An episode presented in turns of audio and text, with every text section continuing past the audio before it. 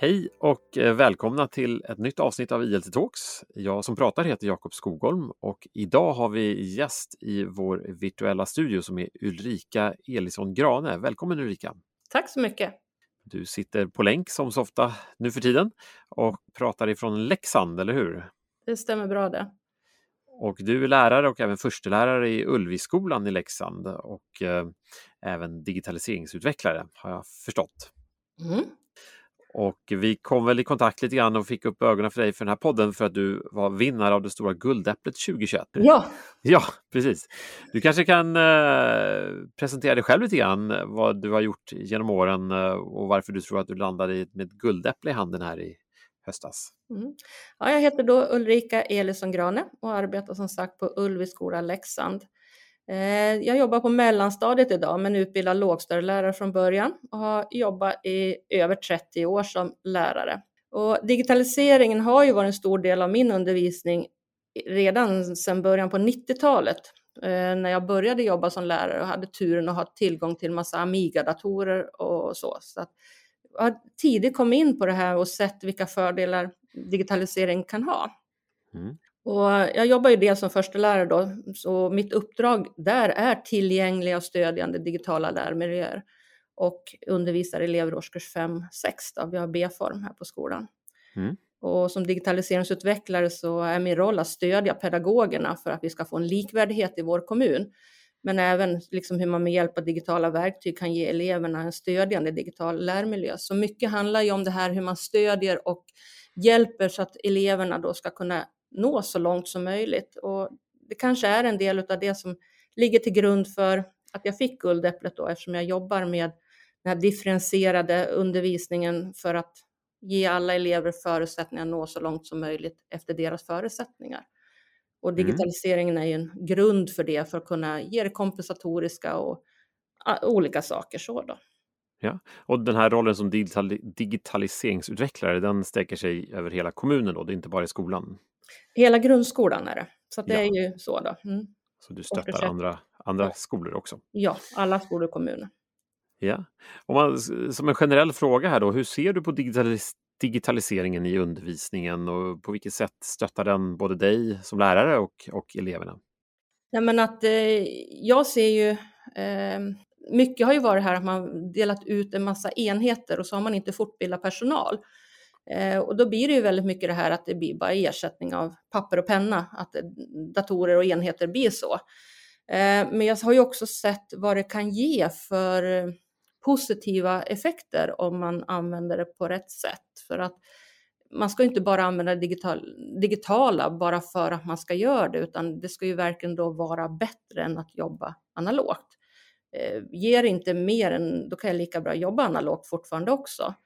Men det jag ser är ju att, som jag sa tidigare, det kompensatoriska, att jag ger alla elever mer samma förutsättningar. För man kan lyssna, talsyntes, man kan få uppläst, man kan prata in text om man har stora svårigheter att skriva själv.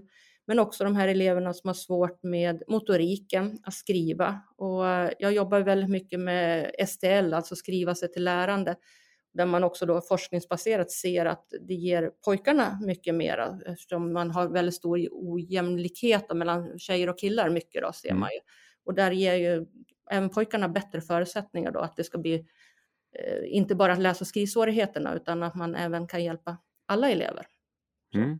Och skulle du säga att det är någon skillnad om tittar mellan åldersgrupperna, om de börjar från årskurs 1 och upp och så säga. Du är ju idag lärare på mellanstadiet men har mm. ju en bakgrund i lågstadiet. Och du kanske har viss insikt i högstadiet också. Skulle du säga att digitaliseringen ser annorlunda ut och har ett annat syfte i de olika åldrarna? Både och. Eh, det går ju att jobba lika mycket kompenserande och mycket differentierande redan i årskurs 1. Eh, och det kan lätt bli att man bara hamnar i det här, man byter ut, ja men vi kör digitala läromedel, och så tror man att det löser allting. Eh, men då, har jag ju, eh, då är det frågan, är det bättre eller inte? För det är ju det här med förändringen. Ska man leda någonstans, då måste man ju komma in i den här förändringen som kallas andra ordningen då, om man vill kunna förändra tankemönstret, hur man tänker runt undervisningen, lärande och kunskapen. Och det är det som är att jag vill ju utveckla min undervisning och jag vill ju ge liksom möjliggöra eh, utformning av arbetsuppgifterna på andra sätt och där datorn eller Chromebooken eller iPaden, vad jag har nu då, ger andra möjligheter som skriva tillsammans. Vi jobbar ju väldigt mycket kooperativt och det kan vi göra digitalt. Gemensamma samarbetsytor och sådana saker också. Så det behöver inte vara bara att man ska skriva och få det uppläst. Eh, vi kan få kontakt med andra länder, andra skolor. Vi har haft Mr Skype, eh, gissa var finns vi, ställa frågor till andra, samarbeta utanför skolan också. Så det går ju att göra otroligt mycket för att lyfta undervisning på ett helt annat sätt än vad jag kunde göra förut.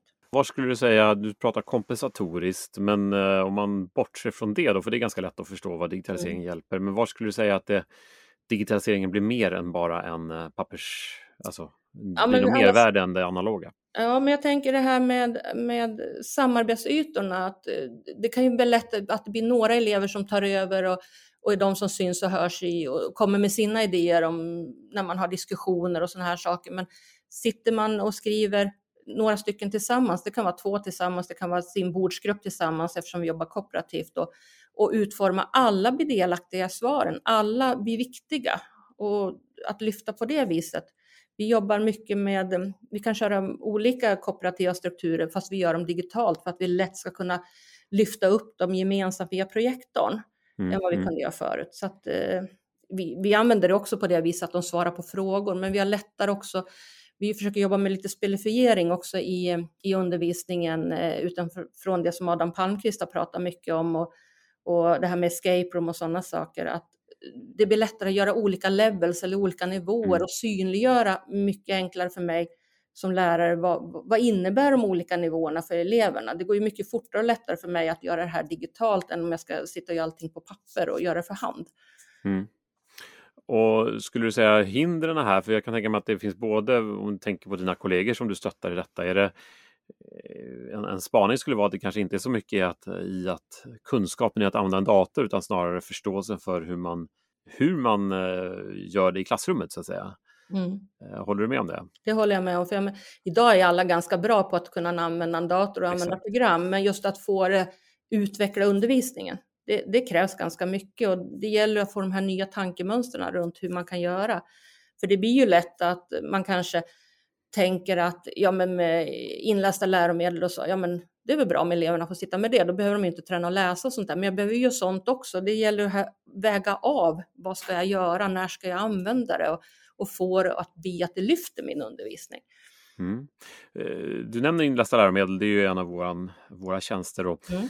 och eh, det är en intressant eh, frågeställning du också berör där, att man måste ju också utmana de eleverna som, som då har en, en utmaning i att, mm. att träna och få den här läskonditionen. Mm. Eh, hur brukar du hantera den frågan hos er och i diskussion med dina kollegor? Eh, nej men jag tycker det är ganska bra. Vi har ju alla våra elever i kommunen har ju tillgång till inläsningstjänst, vilket tycker jag är är toppen för att eh, även om du inte alltid har stora läs och skrivsvårigheter så kan du ha andra språk. Du kan ha just det här med SO och NO-läromedlen innehåller så otroligt mycket svåra ämnesspecifika ord redan på mellanstadiet. Och för att då kunna, då kan det vara jättebra att ha stöd att kunna lyssna på text samtidigt som jag har boken framför mig, har texten framför mig, för att kunna också fokusera på vad betyder de här orden.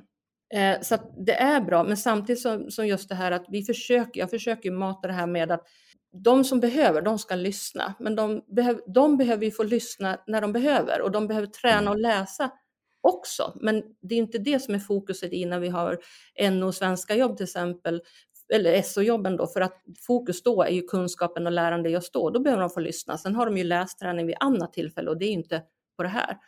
Och det är ju så likadant med vanliga böcker också, att vi har elever som lyssnar på det för att kunna tillgodogöra sig böcker på sin åldersnivå. De kanske mm. inte klarar mm. av att läsa den på sin åldersnivå, men de när de tränar läsningen sen, då läser de ju text som är på den nivån som de klarar av. Men de måste ju få tillgodogöra sig text också på den nivån åldersmässigt som de är.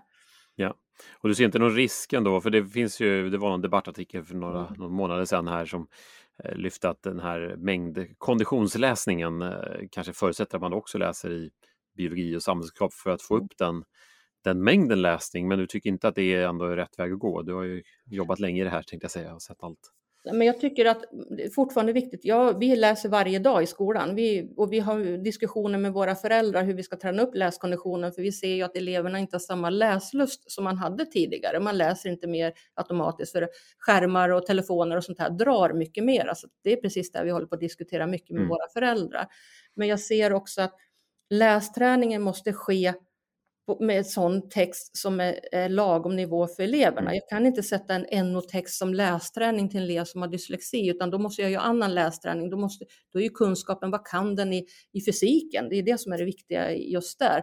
Men jag, det som är, tror jag också mycket i det här, att vi struntar i att lästräna med våra elever eh, också. Man tror att man bara räcker med det vi gör, utan man måste också lästräna och ge dem den tiden.